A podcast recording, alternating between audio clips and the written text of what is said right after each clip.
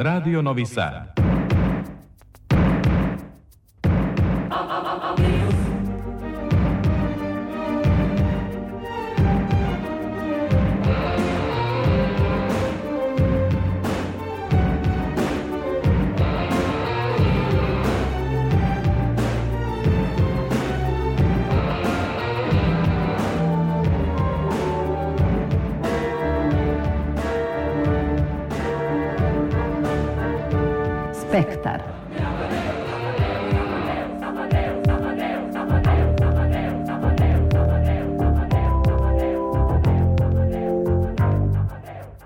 Spektar.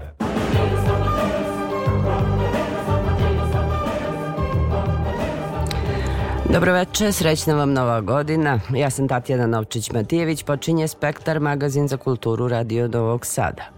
Tradicionalno, već u novu godinu u Spektru ulazimo sa starim, jer nikad nije bilo da nekako nije bilo, jer su i prošle, za kulturu takođe teške godine, mnogi umetnici činili da dosegnu vrh. Neki su u tome i uspeli.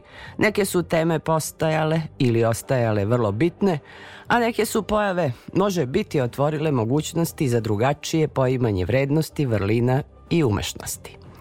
U narednih sat i po sledi najbolje iz prošlogodišnjih izdanja Spektra. Aleksandra Rajić odabrala razgovor sa likovnom umetnicom Majom Erdeljanin. Isidora Bobić u traganju za novim umetnicima otkrila Nemanju Mijovića i Anu Bugarinović. Ivana Maletin Ćorilić prošle godine propitivala evropske modele kulturne politike. Zadržat ćemo se na Akademiji Karara u Bergamu i na velikoj Brankušijevoj izložbi u Temišvaru. Moj sagovornik, između ostalih, bio je i Stefan Janjić, pisac i lovac na lažne vesti, a povodom sve intenzivnije priče o primeni veštačke inteligencije umetnosti. Dakle, to možete slušati pa par minuta do pred ponoć na 87,7, 99,3, 99,6 MHz ultra kratkih talasa i sada je ovo mrtva trka sa vokalom koji sledi.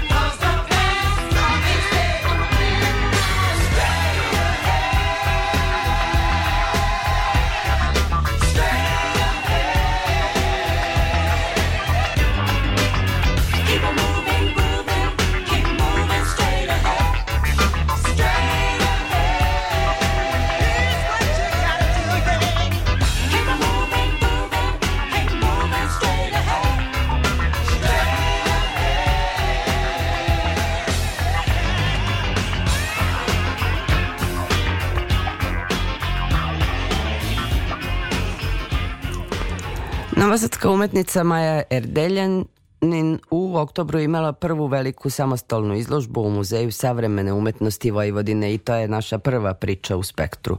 Osnovu njenog ciklusa, Dragi dnevniče, početog pre 17 godina, čini 366 radova koji predstavljaju kalendarske dane u godini, a eskalacija, katalog, odnosno knjiga, u kojoj su sabrani dnevnički zapisi i slike kao likovni izraz svakog pojedinačnog dana. Majina knjiga naravno važeća i za ovu prestupnu godinu, pa je tako 29. februar Svetski dan podmlatka i neženja, njen dan skica za nove slike. Sa njom je razgovarala Aleksandra Rajić. Vaša je edicija, vaš umetnički projekat Dragi dnevniče je jedna pisana forma ali je istovremeno i slikana forma, dakle možemo je zvati hibridnom, ali to je e, zapravo pravi izgled, ja bih rekla, e, dnevnika, onako kako ga svi radimo, uz te neke zapise, uz te neke rečenice, volimo i da neke marginalije napravimo olovkom, naravno to kod vas nisu marginalije. Zanima me šta je kod vas osnovno, ima li tu uopšte neke glavne linije ili je to generalno otpor prema formatu i dnevnika i samo slike? Ja bih rekla da je pre neka savršena simetrija koju nismo u stanju da razumemo iz prve, niti je ja razumem, ali nekako se to sve sklopi na, na svoje mesto. Svaki dnevnik ostavlja prostor da, da u njega uđe bilo šta. Tu ne postoji ni određeni književni izraz, niti znakovi interpunkcije, ni gramatika, jednostavno ja sam je poštovala koliko je poznajem, ali znači može svašta tu da dođe, mogu da budu i srčci iz novina i neki suveniri e, tog tipa tako štampanog, stvarno svašta može da, da uđe u dnevnik jer e, zaista svašta ulazi u naš život i proživimo stvari koje nismo planirali.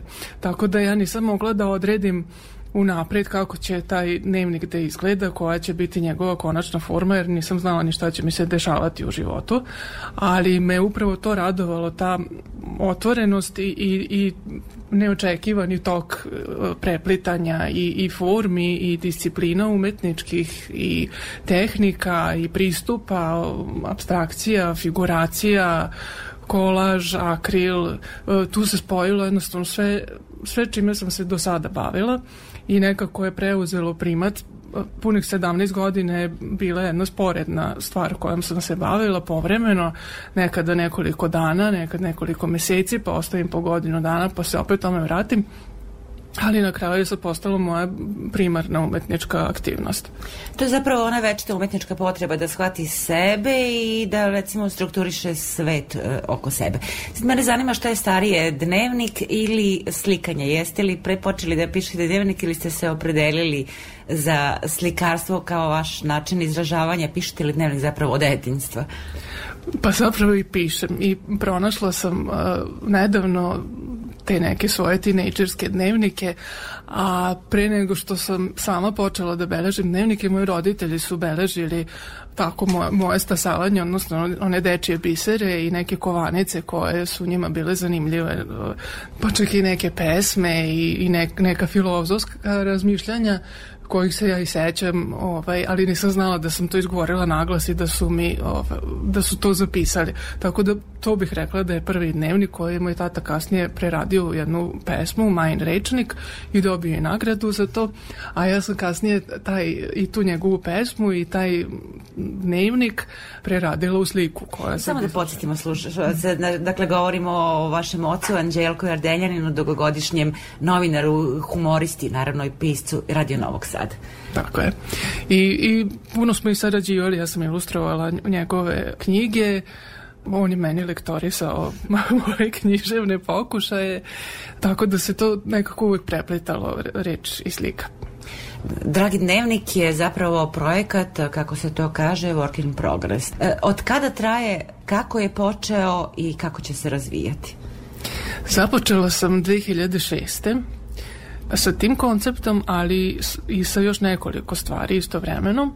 E, tad sam započela i svoj ciklus terapija bojama, odnosno color therapy na engleskom, pošto sam se oslanjala na reklame sa e, engleskog govornog područja To je bio jedan abstraktan likovni izraz, dok je ovaj više narativan, mada i tu ima svega i svačega.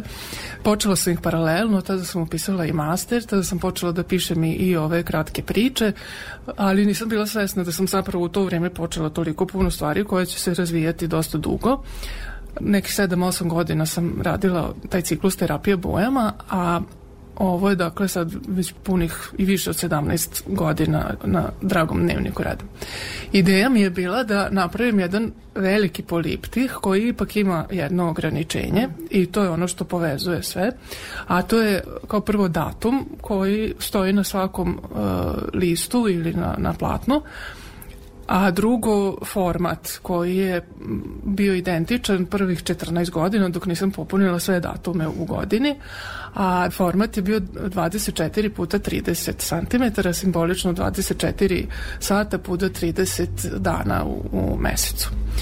Bio mi je plan da napravim jel, za svaki datum po jednu sliku, mada je na kraju bilo i po nekoliko slika za pojedine datume sasvim slučajno i da ih postavim redom od 1. januara do 31. decembra s tim da godine ne idu redom, idu na preskokce, ali datum idu, jer je to nekako i način na koji se mi sećamo svakoga dana u nekoj godini, recimo 1. januara setimo se što smo radili pre 7 godina ili pre 2 godine Da, zapravo svetski kalendar je pun tih važnih datuma, svaki dan e, ima neko specifično obeležje vezane za nešto, a, a i zapravo i vaš e, svaki dan je na ovoj izložbi, evo to smo videli, praznik, ali e, ima sasvim jedno lično značenje. Tako je.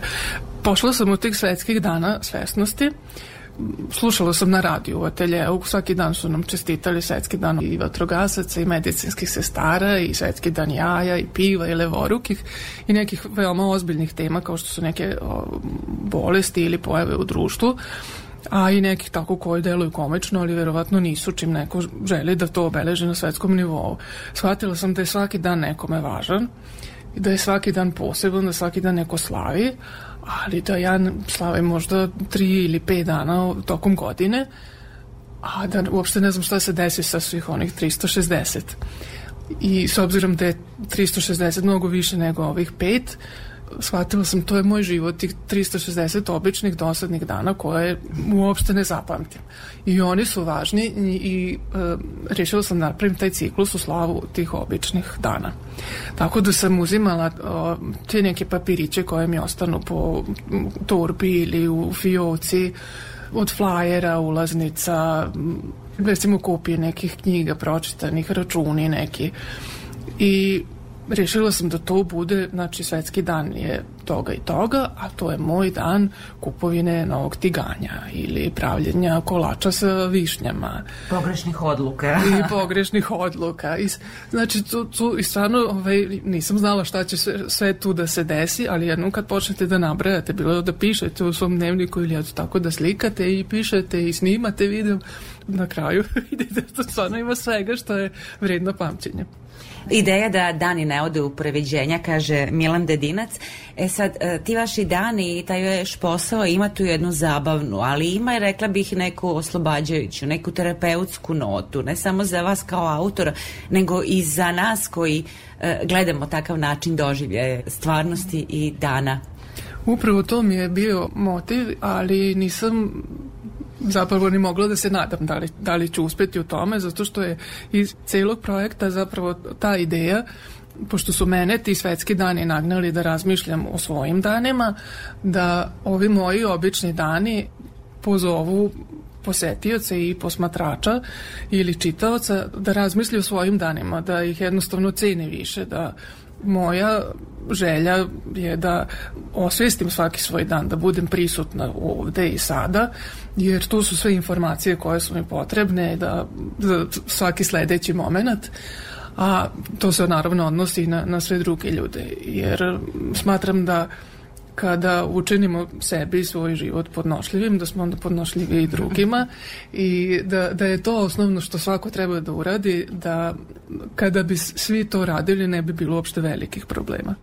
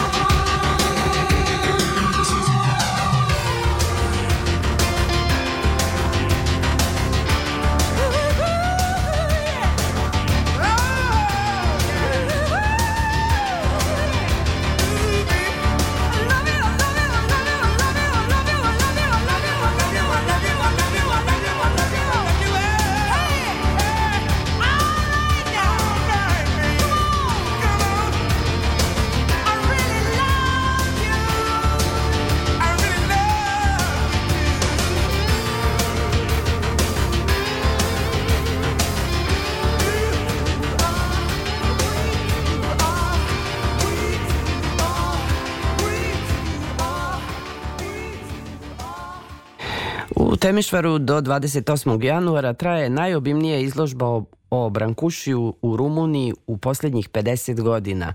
Nazvana je Brankuši, rumunski izvori univerzalne perspektive. Više od stotinu radova, jednog od najuticajnijih vajara s početka 20. veka, izloženo je u Nacionalnom umetničkom muzeju. Zahvaljujući pozajmicama Centra Pompidou, Tejta, Guggenheim fondacije, Nacionalnog muzeja umetnosti Rumunije, Muzeja umetnosti Krajove, kao i iz tri privatne kolekcije.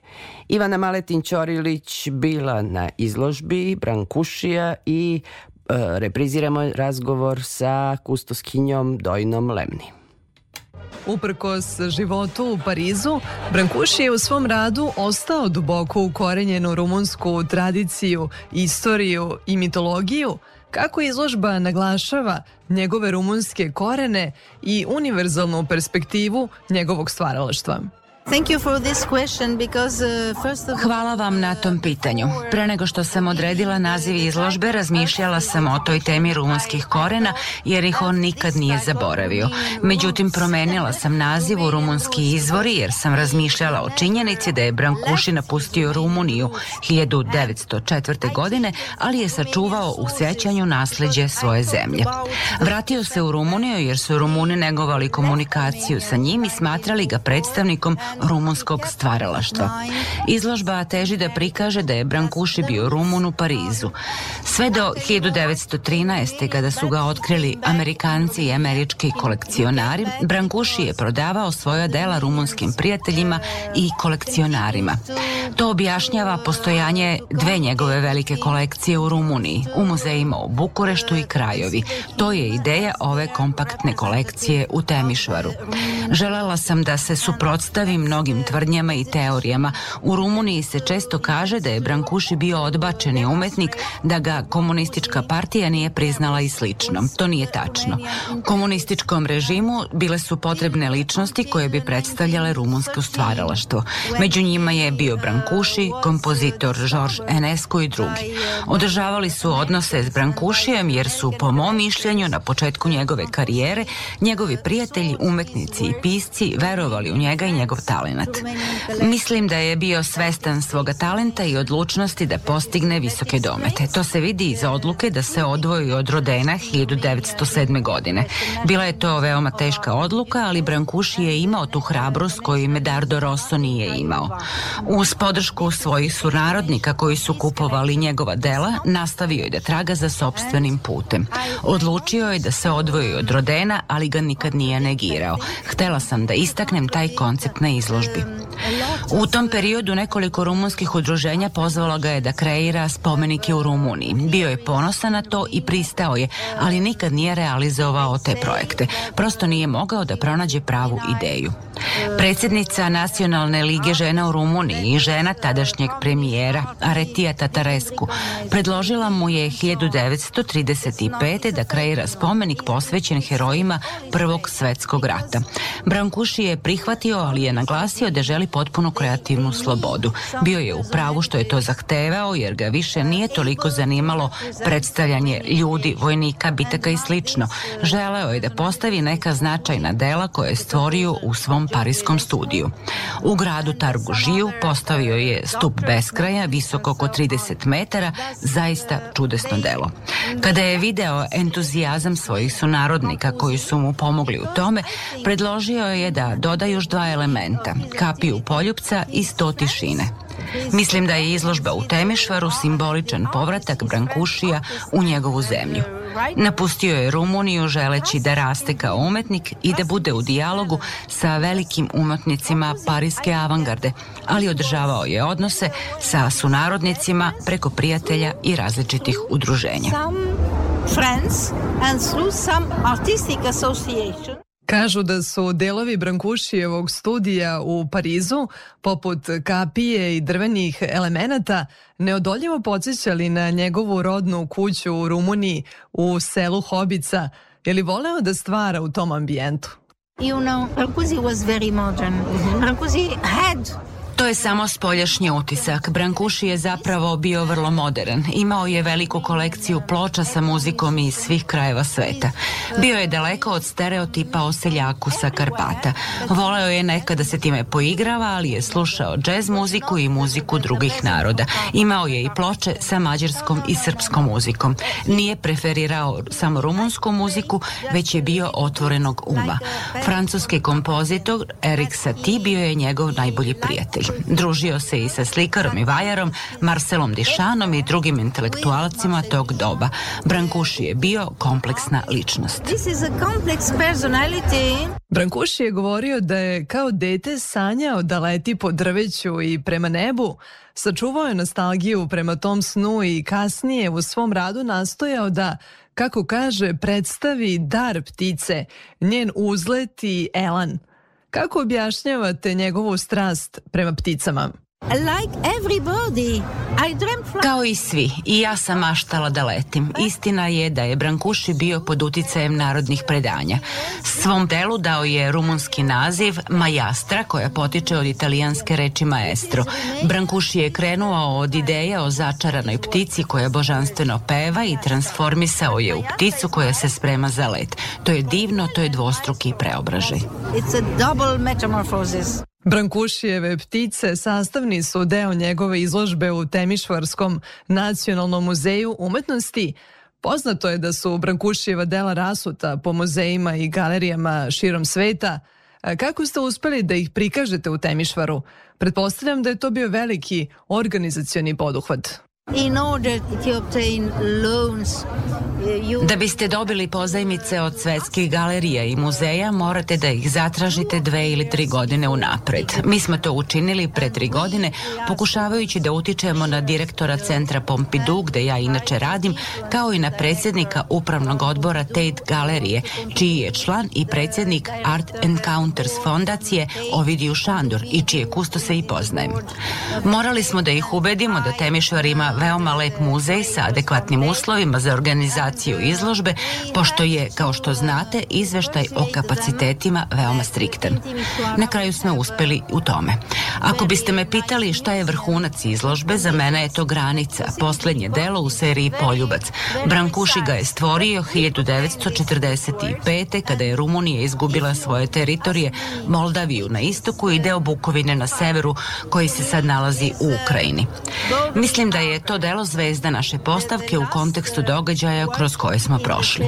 To je jedino delo koje predstavlja simbol od istorijskog značaja u Brankušijevom razmišljanju i važno je iz njegovog ugla. Brankuši ga nije objasnio, ali je izrazio svoju tugu kada je Rumunija izgubila teritorije. Nastao je kao simbol bratstva i mira.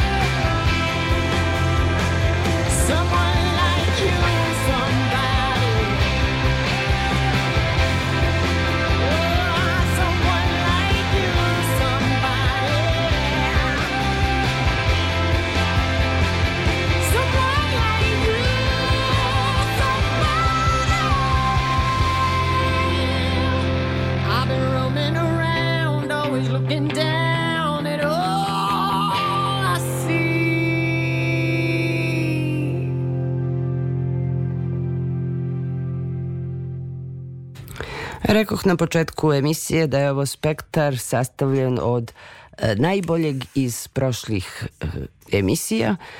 Ivana Maletin Ćorilić prošlu godinu manje više provela proveravajući kako funkcionišu modeli e, kulturne politike, bavila se i e, Čačkom, našom nacionalnom prestonicom kulture, čuli smo malo čas bila i u Temišvaru, a posetila i Italiju. Tamo su prvi put dva grada ravnopravno nosila titulu nacionalne prestonice kulture.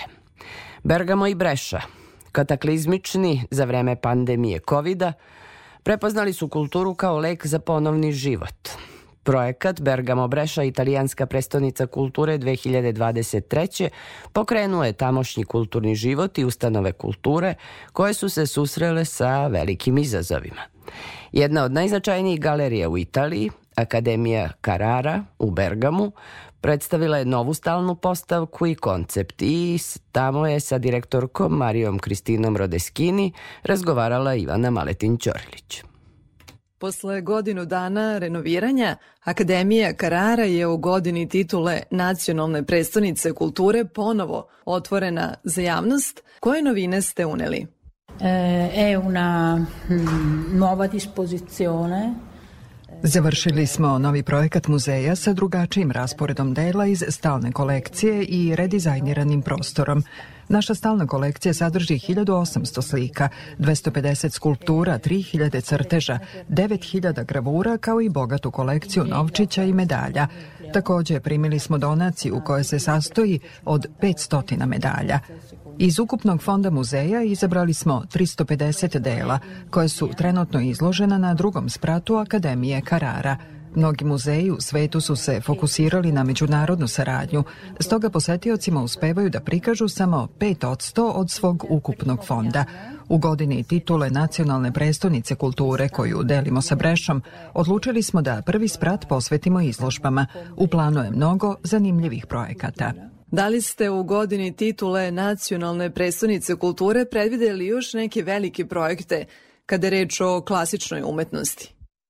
La terza esposizione eh, che concluderà questo Treća izložba koja će zaključiti ovu uzbudljivu godinu biće posvećena operskoj umetnosti, a posebno slikarima koji su prvi predstavili i razradili teme koje su kasnije postavljene na operskoj sceni. Odlučili smo se na taj izbor i zato što je jedan od najpoznatijih operskih kompozitora, Gaetano Donizetti, rođen u Bergamu, gde je napravio i prve profesionalne korake pre nego što je ostvario međunarodnu karijeru – Izložba će biti organizovana u Bergamu u sklopu Doniceti festivala, kako bismo naglasili te neraskidive niti sa gradom i operskom umetnošću. Prepustili smo njenu postavku scenografima. Posetioci izložbe će imati osjećaj kao da su u pozorištu. Verujem da će prepoznati te snažne veze između umetnika, muzičara, operskih pevača i svih koji su povezani sa operom. Takođe, moći će da dožive posebno muzičko iskustvo koje će pratiti samu izložbu, budući da je muzika u ostalom i njena glavna tema. Slikari su često pod uticajem kulturnog okruženja umeli da preteknu slike koje bi kasnije bile izvedene na operskoj sceni kroz muziku i libreta. attraverso musica e libretti scritti dagli autori. Akademija Karara baštini izuzetno vrednu kolekciju umetničkih dela. Najveći deo nje sastoji se od slika i skulptura – Kako je stalna postavka organizovana nakon ponovnog otvaranja muzeja? Ci sono due mm, grandi aree che il, il nuovo eh, allestimento della collezione rappresenta. Dve velike oblasti nova muzejska zbirka pokriva. Italijansku renesansu sa delima najznačajnijih umetnika iz Toskane, Veneta i Severne Italije, kao što su Raffaello, Botticelli, Bellini i Pisanello. Drugi deo postavke zasniva se na delima koje su umetnici poznati na međunarodnoj sceni stvorili u Bergamu, jer su rođeni ovde. Tu mislim na Moronija, Fra Galgarija i umetnike iz Venetske regije, pošto je Bergamo bio deo Mletačke republike sve do 1700. godine, što je imalo snažan uticaj na njega. Još jedna posebnost nove postavke su skulpture, koje su plod rada kolekcionara koji su takođe bili poznavaoci umetnosti. Njihov izbor je ključan. Naša umetnička baština je na visokom nivou i sa razlogom je izložena ovde. Sve što čuvamo je poklonjeno. Ideja onih koji su donirali od 18. veka do danas je da kao poznavaoci umetnosti doniranjem svojih kolekcija gradu podele tu strast sa zajednicom koji ih je zdušno prihvatila. Taj koncept je sjajan. Počinje donacijom Giacomo Carrare krajem 18. veka. Danas imamo više od 260 donatora, a poslednji značajni donatori datiraju iz 2022. godine. Poslednja novina u 2023. godini biće otvaranje bašte na 3000 kvadratnih metara s prijemnim mestom i bistrom. To mesto je otvoreno prema prirodi. Centar bašte omogućit će posetiocima da zastanu i naprave pauzu tokom posete, jer muzej treba da bude mesto gde se edukuju i duhovno obogaćuju, ali i gde se osjećaju dobro. Si educano, si acculturano, ma le persone devono anche stare bene. Kako ste se nosili sa pandemijom? Bergamo je bio jedno od glavnih žarišta virusa korona – Kako se to reflektovalo na rad Akademije Karara i da li je to promenilo vaš način razmišljanja? Sì, e anche questo nuovo allestimento è il risultato di, delle riflessioni. Da, nova muzejska postavka je rezultat našeg promišljanja u tom periodu. Nekoliko meseci nakon najjače krize, kada muzej nije bio otvoren za javnost i kada je sve bilo zatvoreno, formirali smo međunarodnu komisiju sa kustosima iz američkih i evropskih muzeja, sa kojima smo počeli da diskutujemo o tome kako će muzeji izgledati nakon pandemije Nismo gubili vreme. Čim smo shvatili da se situacija promenila, preispitali smo sebe, shodno konceptu da muzej mora da održava veze sa gradom i svojim korisnicima. Nastojali smo da tragediju, izazvanu covidom, preokrenemo u nešto pozitivno. Moram da priznam da je transformacija koju smo napravili, iako smo otvorili muzej 2015. godine, što nije bilo tako davno, bila hrabra odluka za preispitivanje nove stvarnosti. To što danas vidite je rezultat toga. Naravno, treba videti koliko će to trajati, jer ništa nije nepromenljivo. capire questo risultato ehm, quanto durerà, perché niente è immutabile.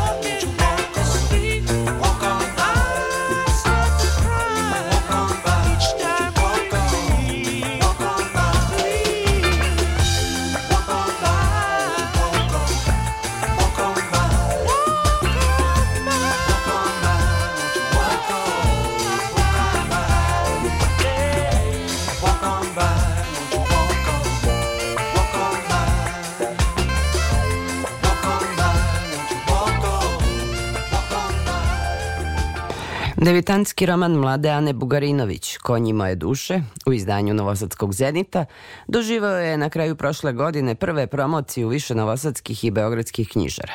Zašto je reč o jednom od najhrabrijih literarnih podviga u književnosti mlađih generacija, saznaćemo u razgovoru autorke sa Isidorom Bobić.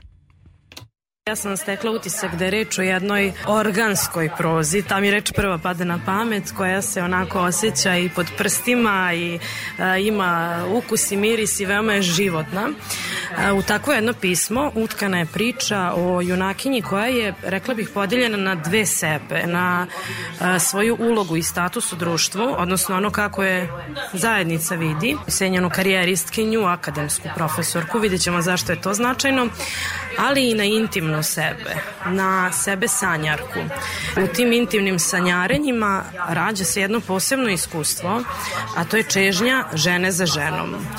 Veoma mi je važno da preciziramo da li si govorila o lezbijskom iskustvu ili o jednom širem ženskom iskustvu koje je možda poznato ženama i koje se ne opredeljuju kao da su deo uh, LGBT populacije u društvu. Jedna njena polovina jeste uh, akademska, jeste građanska, ali nikako i malograđanska. Njena druga polovina je fokusirana na njenu unutrašnjost, na njen misalni habitus koji je ona godinama gradila. Međutim, mi govorimo o junakinji koja je vrlo emocionalno inteligentna u smislu mapiranja sobstvenih emocija. Sa tim ciljem ona pronalazi načine da dođe do stvari koje je duboko ukopala u sebi. Na to su uticale mnoge stvari iz njenog detinstva, na to su uticali njeni odnosi sa roditeljima, na to je uticalo društvo i sve društvene stege koje su zapravo nju izgradile kao individu, jer junakinja ima 36 godina, profesorka je na fakultetu i predaje etiku. I svakako je koncept njenog bića vrlo slojevit i priča o njoj je upravo i takva ti si ovaj roman unela i neke elemente akademskog romana. E, atmosfera studenjaka, atmosfera fakulteta, zašto je ona bila nasušna da bi se priča ispričala? Zato što je važno da demistifikujemo jedan pojam lezbejstva, koji je ovde vrlo banalizovan, do te mere da se smatra da je lezbika žena koja ima kratku kosu, koja se ponaša kao muškarac i koja ne pripada tim višim elitnim slojevima. To je zapravo poenta zašto je glavna glavna junakinja ove knjige je upravo žena koja je vrlo uspešna, koja je akademski obrazovana i osvešćena pre svega. Ženstvena, to isto moram da istaknemo, ona je jako lepa, zgodna, ona privlači poglede kako muškaraca, tako i žena, ali mi govorimo o njenoj potisnutoj seksualnosti koja je sigurno na neki način univerzalan problem danas mnogih. A zašto je bilo važno da tu takvu junakinju smestiš u jedan e, primorski grad u Italiji? Zašto Mediteran? Zato što to priči daje na eleganciji, daje na sofisticiranosti, a junakinja je upravo zamišljena kao takva ličnost. I isključivo kao takva ona može da se ističe najbolje u jednom primorskom mestu u Italiji koja je zapravo zemlja lepote, visokog ranga, koja je zemlja estetike, koja je zemlja svega što za jednog prosječnog Srbina zapravo predstavlja nivo sofisticiranosti recimo. A zašto si se opredelila da priču ispričaš iz ugla sve videćeg pripovedača?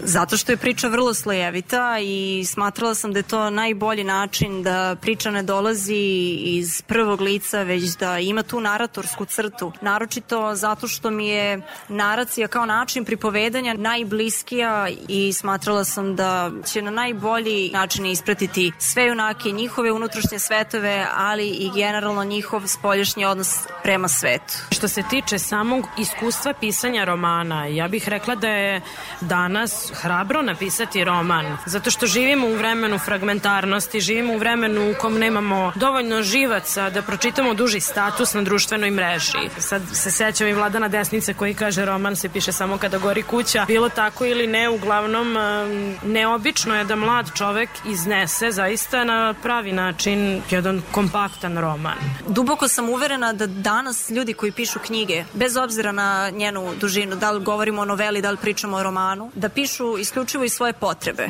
Mene je potreba naterala da napišem roman. To nije bilo pitanje moje organizacije ili biranje trenutka kada ću pisati. Ja ne mogu da ne pišem, jel? Tako je. To je nužda. Stvaranje i pravo stvaralo što zaista smatram da dolazi iz stomaka i ti si moju prozu s početka nazvala organskom i ja mislim da možemo je nazvati želudačnom jer mislim da je nastala iz želuca pre svega kao organa.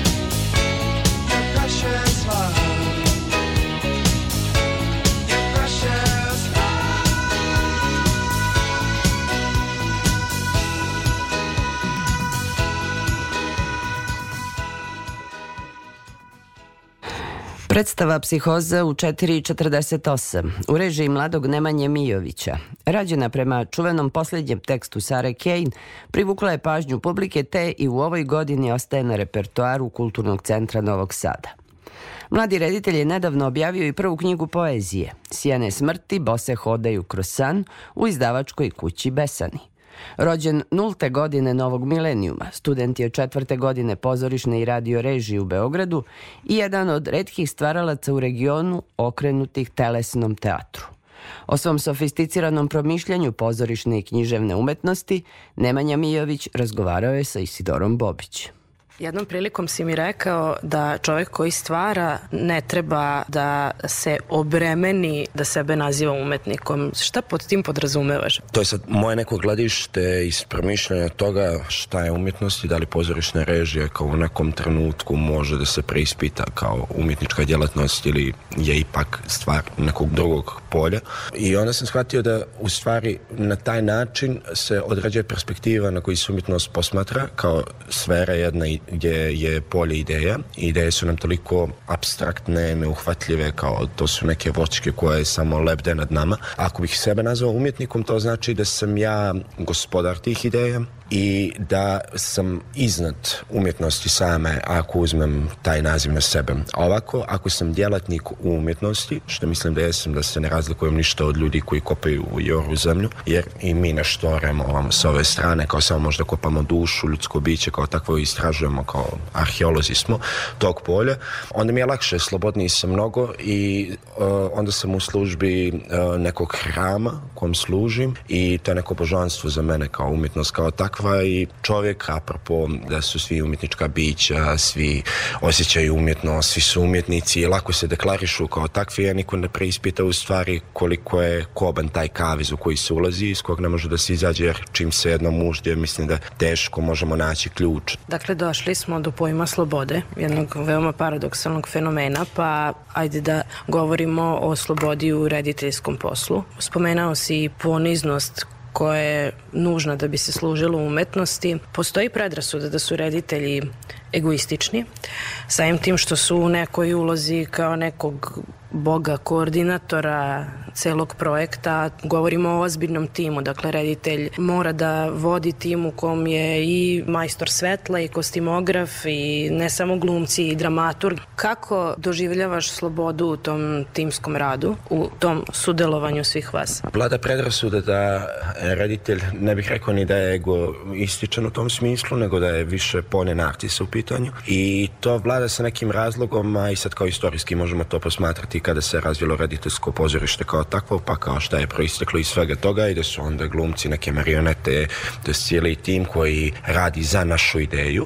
I uvijek se kreće od toga da je to ideja reditelja, pa onda da sve potiče odatle, ali niko ne dovodi u pitanje to da ta ideja može biti jedna slika i da je dovoljno krenuti sa tom slikom i u stvari da ta slika sama po sebi ne znači ništa ukoliko se ona ne oživi. Sad reditelj zavisi od cijelog tima i to je jedna lijepa strana kao pozorište gdje ovdje stvarno mora da se u priliku stvaranja formira neki najuži oblik zajednice, pa ajde da je nazovemo porodica na dva mjeseca, gdje uh, je najbitnije od svega da ta porodica uspije u tom zadatku, da tu ideju otjelotvori i nikako ne može biti sam uh, kao niti će bilo ko raditi za njega, nego svi rade za ideju i onda mislim da se tako svakom uklanja ego, ta negativna strana ega.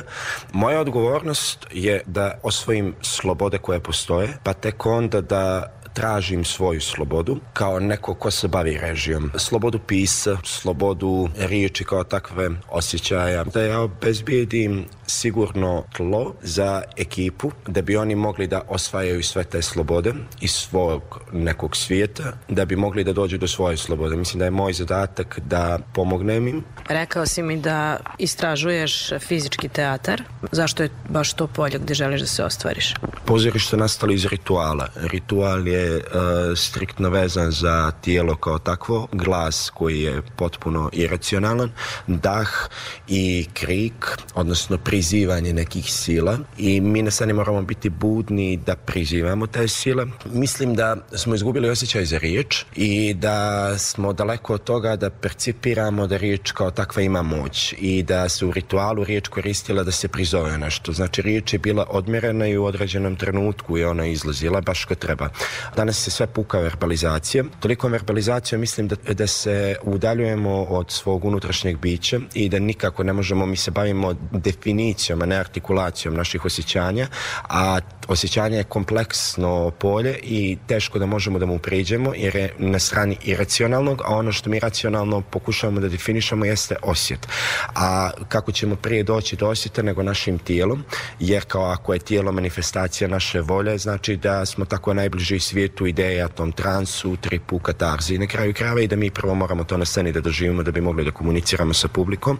Zanima me tišina, to je osnovno nešto od čega krećem, kako ta tišina može sve da izgleda i kako može da zvuči i šta u toj tišini sa publikom gdje nema ni jedne riječi, nego postoji samo uh, asocijativna priča svakog od posmatrača u odnosu na uh, tu tjelesnu priču koja postoji na sceni, šta može da se probudi od njihovih unutrašnjih svetova. Zbog toga me zanima fizički teatar, da se bavim istinom na taj način. Da li ti kao pesnika intrigira tišina. Značajno mi je to da čujem, pošto mislim da su svi najveći pesnici promišljali tišinu. Jedan pesnik je rekao da parafraziraću pesma treba da se ili reč približi granici Božijeg ćutanja. Objavio si ove godine zbirku pesama koja se zove Sjene smrti, bose hodaju kroz san, prelep naslov. Kaži mi nešto o svojoj poetici i možda baš o promišljanju odnosa reči i tišine u poeziji. Od tišine sve kreće i sam proces uh,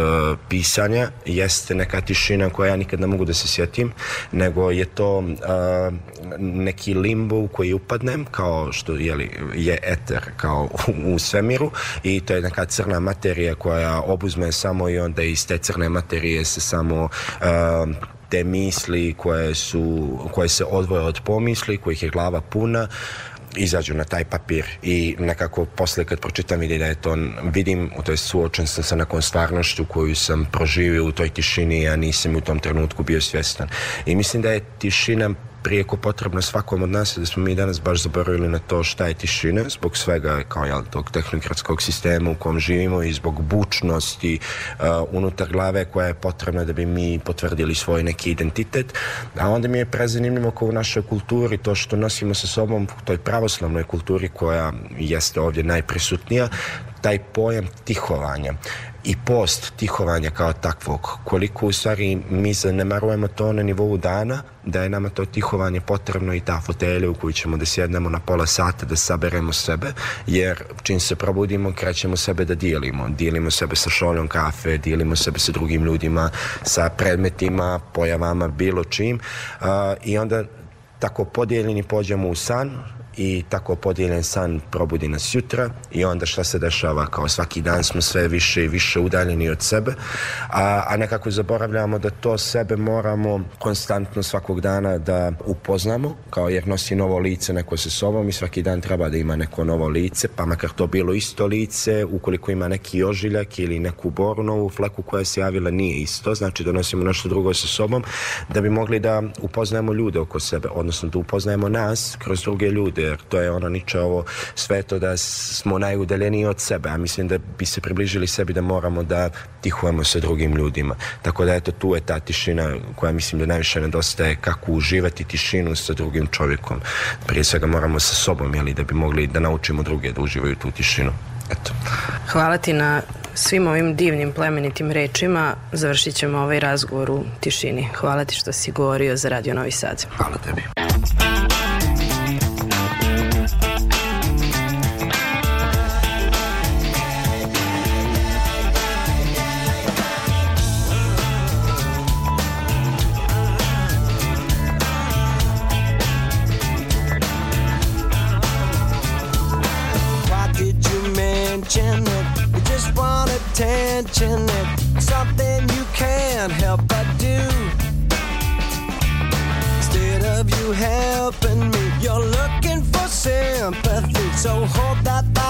banana like carbohydrate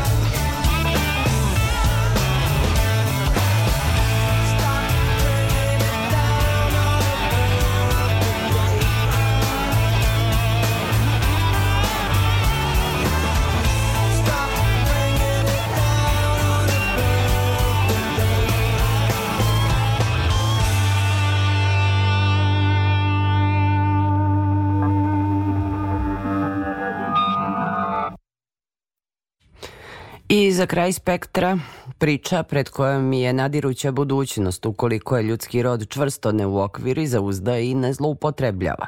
Primjena veštačke inteligencije umetnosti. Najrazličitije ankete među umetnicima i teoretičarima govore da je ona duboko u muzičkoj, vizuelnim umetnostima i industriji zabave, da je najneubedljivija u književnosti.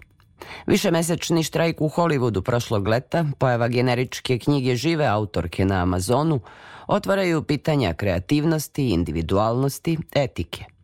Sagovornik u spektru bio je Stefan Janjić, docent na Filozofskom fakultetu u Novom Sadu, pisac. Prvim romanom Ništa se nije desilo nametnuo se i književnoj javnosti i čitaocima. Janjić je urednik portala Fake News Tragač, u kojem veštačku inteligenciju koristi kao alatku. Pošto ste pripadnik mlađe generacije koja je i formatirana uz digitalnu stvarnost, ali kakav je vaš odnos naspram korišćenja veštačke inteligencije, odnosno taj odnos veštačka inteligencija i kreativno pisanje? Mislim da je veštačka inteligencija još dalje od nekakvog uspešnog stadijuma od onog koji pokazuje u domenu provere podataka, odnosno fact-checkinga.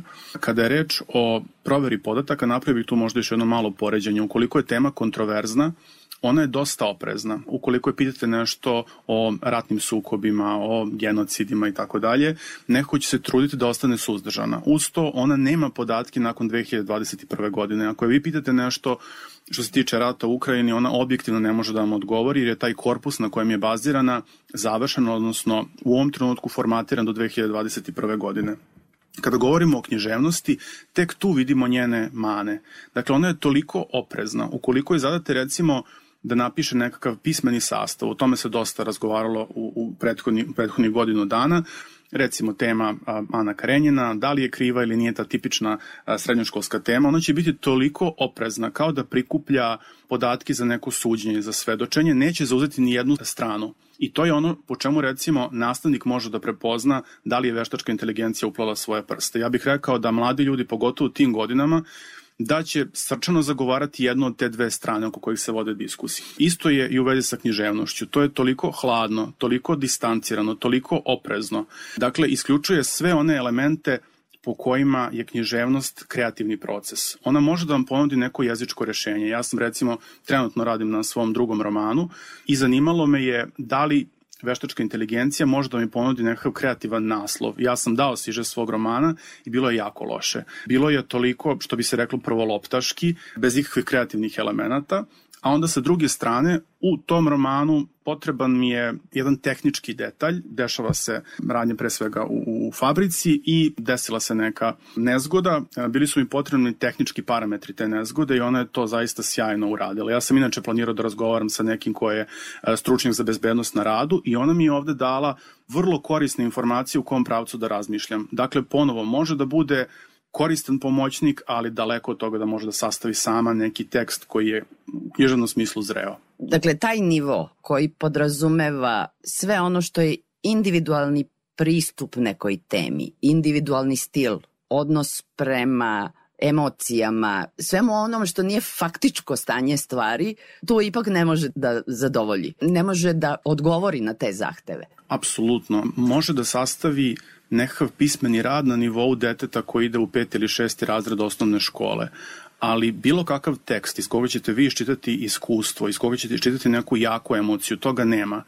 E, nema zbog toga što su kreatori ovog algoritma, odnosno veštačke inteligencije, jako vodili računa o prethodnim iskustvima. Microsoft je recimo imao svog bota na Twitteru koji je učio na osnovu, pre svega na osnovu povratnih reakcija i taj bot je u roku od 24 sata postao fašista. Istrenirali su ga korisnici tako da se okrene protiv jevreja, dakle postao je antisemita, zagovarao je ponovno uspostavljanje fašizma i Microsoft ga je ugasio. Poučeni tim iskustvom, kreatori chat GPT-a su baš insistirali na tome da on u takvim osetljivim pitanjima ostane nekako nepristrasan. Međutim, ukoliko ga vi u tom smislu limitirate, što svakako jeste korisno u, u milion drugih aspekata, ali ne u književnosti, onda je on beskrvan, onda je on jako bled, on više piše kao Google koji ima pristup svim podacima ovog sveta, ali vi vidite da, da ništa od tih podataka nije uvezano u realno iskustvo. Ne biste mogli da poverujete tom algoritmu. Deluje kao nekakav poluenciklopedijski diskurs u kojem su sve reference koje se odnose na, na emocije, svi elementi koje se tiču emocija toliko pasivni, opisani bez inovativnih stilskih figura da se to jednostavno prepoznaje. Našla sam podatak, verovatno ste i vi naleteli, onaj slučaj na Amazonu se pojavila knjiga žive autorke u kojoj je bio generički tekst i to je prepoznao čitalac njen, sugerisao joj da postoji takva knjiga, ona se obratila Amazonu, Amazon se oglušio o njen zahtev da se povuče ta knjiga i njoj je naravno jedino preostalo da podigne medije i da mediji naprave zapravo kampanju i onda je knjiga povučena. Imaćemo situacija kada će se pojavljivati takve knjige i onda će biti problem i sa autorskim pravima. Izdavači mogu da prave takve knjige. Vidimo da scenaristi uporno protestuju u Hollywoodu, producentske kuće mogu da naručuju te scenarije. Dolazimo sad i u taj domen u suštini etike, poštovanja autorskih prava i kreativnosti individue, naspram logike novca i profita. Tako je, da. To bih možda uporedio sa situacijom sa električnim trotinetima koji kada su se pojavili mislim da su svi bili zapanjeni, nisu znali kako da reaguju na to. Naš, a, naši zakoni koji se tiču bezbednosti saobraćaja to nisu prepoznavali i ja mislim da će biti potrebno dosta vremena da i nekakve zemlje koje brže u zakonskom smislu reaguju od nas na određene promene u domenu veštačke inteligencije, da regulativno pokriju sve ove oblasti. Nije ovo pitanje samo književnosti, recimo imate i veštačku inteligenciju koja stvara ilustracije i slike. Ja bih mogao, na primjer, da kažem servisu koji se zove Mi Journey da mi napravi ilustraciju Nikole Tesla u stilu Dobrosava Boba Živkovića. Dakle, da pokupi njegove ilustracije sa interneta i na osnovu toga, na osnovu pečatljivih odlika njegovog crtanja, da mi izbaci ilustraciju Nikole Tesle. Da li su time narušena prava Dobrosava Boba Živkovića ili nisu? Da li on ima autorsko pravo na svoj stil jer, na primjer, nikome nije zabranjeno nekome ko studira na Akademiji umetnosti da kopira, da podražava dobro sa Boba Živkovića, ali ako veštačka inteligencija to radi e, sveobuhvatno, ukoliko e, skuplja njegove crteže i na kraju krajeva zarađuje od toga, jer, jer su sad to već servisi koji se plaćaju, onda tu takođe imamo pitanje autorskih prava. Biće interesantno, o, o čemu mi sada pričamo, verovatno će za godinu dana biti zastarelo. Mi smo zapanjeni time dokle veštačka inteligencija stigla za ovako kratko vreme, ona napreduje u svakom mogućem smislu smislu, pa ćemo imati filmove sa glumcima koji su odavno preminuli, a da nećemo golim okom moći da vidimo da to nisu živi ljudi, nego da, je, da ih je stvorila veštačka inteligencija. Reprodukcije Van Gogovih slika, pa možda možemo da očekujemo u nekoj skorijoj budućnosti da od postojećih dela Ive Andrića ili Danila Kiša dobijemo neke njihove nove pripovetke ili romane i to zvuči intrigantno, ali a, mislim da smo u tom domenu za razliku od ovih slika, zvuka, lika i tako dalje, još prilično daleko. To stvara, moram da priznam u meni jednu vrstu straha.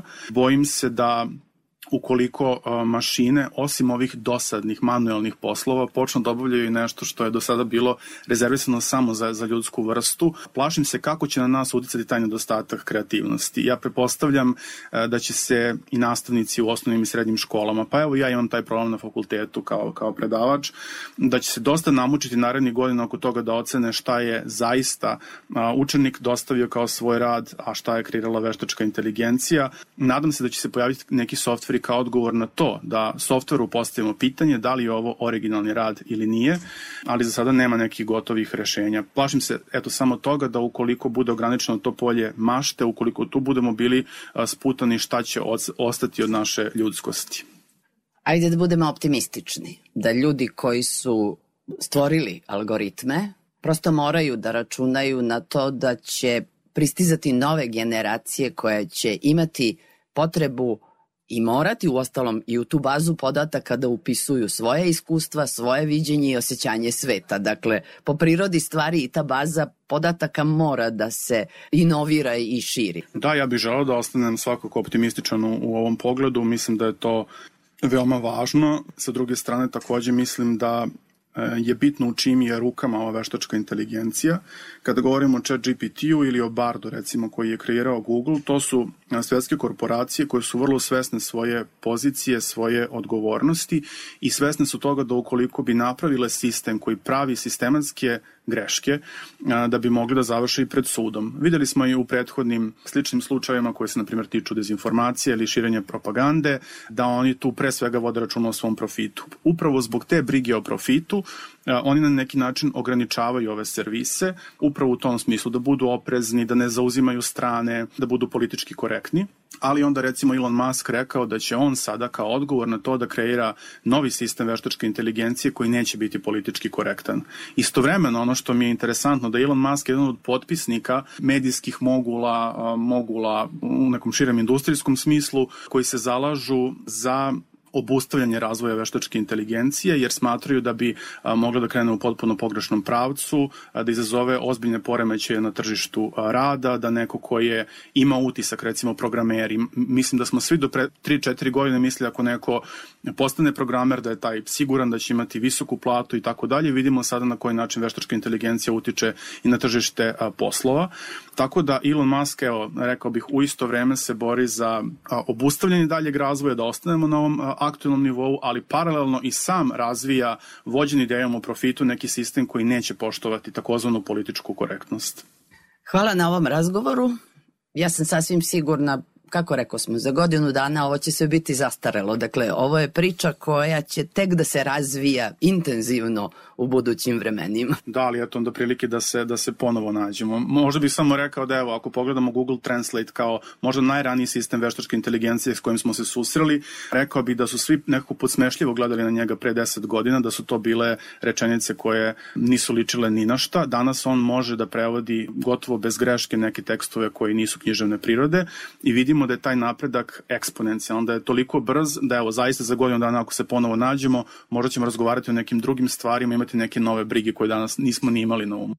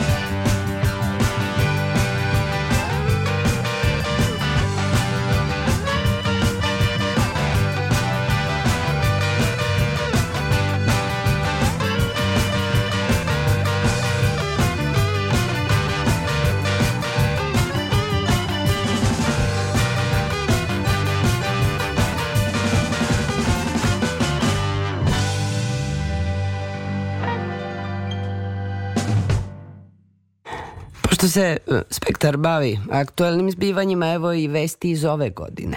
Istoričar umetnosti, pisac i građanski aktivista Nebojša Milenković, kustos zbirke konceptualne umetnosti Muzeja savremene umetnosti Vojvodine, dobitnik je nagrade Lazar Trifunović za prošlu godinu, a nagrađen je za tekst Zbogom avangardo o jugoslovenskoj i novosadskoj umetničkoj avangardi od 1968. do 72. objavljen u časopisu za književnost, umetnosti i kulturu Gradac. Žiri u kojem su bili viša kustoskinja Narodnog muzeja u Beogradu Evgenija Blanuša, naučna saradnica na Odeljenju za istoriju umetnosti Filozofskog fakulteta u Beogradu Ana Ereš i teoretičarka istoričarka umetnosti i dekanka Fakulteta za medije i komunikaciju Maja Stanković Istakao je da Milenković u nagrađenom studijskom tekstu ocrtava sveobuhvatan pogled na fenomen novih umetničkih praksi na jugoslovenskom prostoru s posebnim osvrtom na pojave i protagoniste na novosadskoj umetničkoj sceni, pružajući detaljnu rekonstrukciju nastanka i razvoja neoavangardnih i konceptualnih umetničkih praksi u lokalnoj sredini. Njegov tekst ne zadržava se na analizi ovih fenomena u izolovanom okviru domaće umetničke scene, već tendencije iz lokalnog konteksta sučeljava sa istovremenim i idejno srodnim pojavama na internacionalnom planu, ali i sa širim društveno-političkim i kulturnim kontekstom vremena u kome su nastale i na koje su reagovale. I time nudi jedan slojeviti istorijski osvrt na, kako autor naziva, poslednju avangardnu umetnosti na ovim prostorima. Insistirajući na potencijalu umetnosti da iskorači ili prevaziđe postojeće i prihvaćene forme delovanja i ponašanja, Milenković svoj kritički doprinos pisanju o umetnosti temelji na detektovanju i isticanju onih strategija umetničkog delovanja neoavangardi koje se i danas nameću kao aktuelne, odnosno postiču potencijal umetnosti da otkriva i nudi alternativne načine mišljenja i angažovanja u savremenosti, naveo je žiri u obrazloženju. A to je dovoljan razlog da Nebojša Milenković bude sagovornik spektra narednih emisija, narednih sedmica, već kako raspored njegovih obaveza bude dozvoljavao. I još jedna vest iz ove godine, naravno reč je o žiriranju za najbolji roman objavljen u prošloj godini. Ninov žiri je saopštio da je u širi izbor odabrao 38 romana od 188 koliko je pristiglo, a žiri e, nagrade Beogradski pobednik o, odabrao je 27 romana u širi izbor. Ono što su negde zajednički e, kriteriji ili pisci koji su zadovoljili zajedničke e, kri, jednake kriterije jednog ili drugog žirija jeste njih 11. Među njih 11 su trojica Ninovaca, Bora Ćosić, Vladan Matijević, Vladimir Pištalo, Tu su zatim i pisci srednje generacije i početnici, oni koji su već objavili prvi roman, pa se drugim i tekako pre, toplo preporučili i suvereno preporučili, po, poput e, Filipa Grujića ili Dubravke Rebić, sve u svemu. E, zahuktava se žiriranje. E, Ninov žiri objavio da će uži izbor objaviti 11. januara a beogradski pobednik će to učiniti dva dana pre, dakle 9. januara, te ćemo tako već u sledećem spektru imati priču o tome kakva je bila romaneskna produkcija ove godine i čemu se možemo nadati od kojeg žirija, e, šta će prevagnuti u poetičkom, kvalitativnom smislu ili i sve ono što jedan žiri odabere kao kriterije za izbor najboljeg romana. I pošto nikad nije, neće biti, da ničega ne bude, narednog petka nove priče o kulturi umetnosti na ovim prostorima. Mirnu noć i dobre snove želim vam ženski dvojac ove večeri, Nevenka Ćuki i Tatjana Novčić-Matijević. Do slušanja, kao što znate, Spektar je od sledeće nedelje na odloženom emitovanju na sajtu Radio Televizije Vojvodine.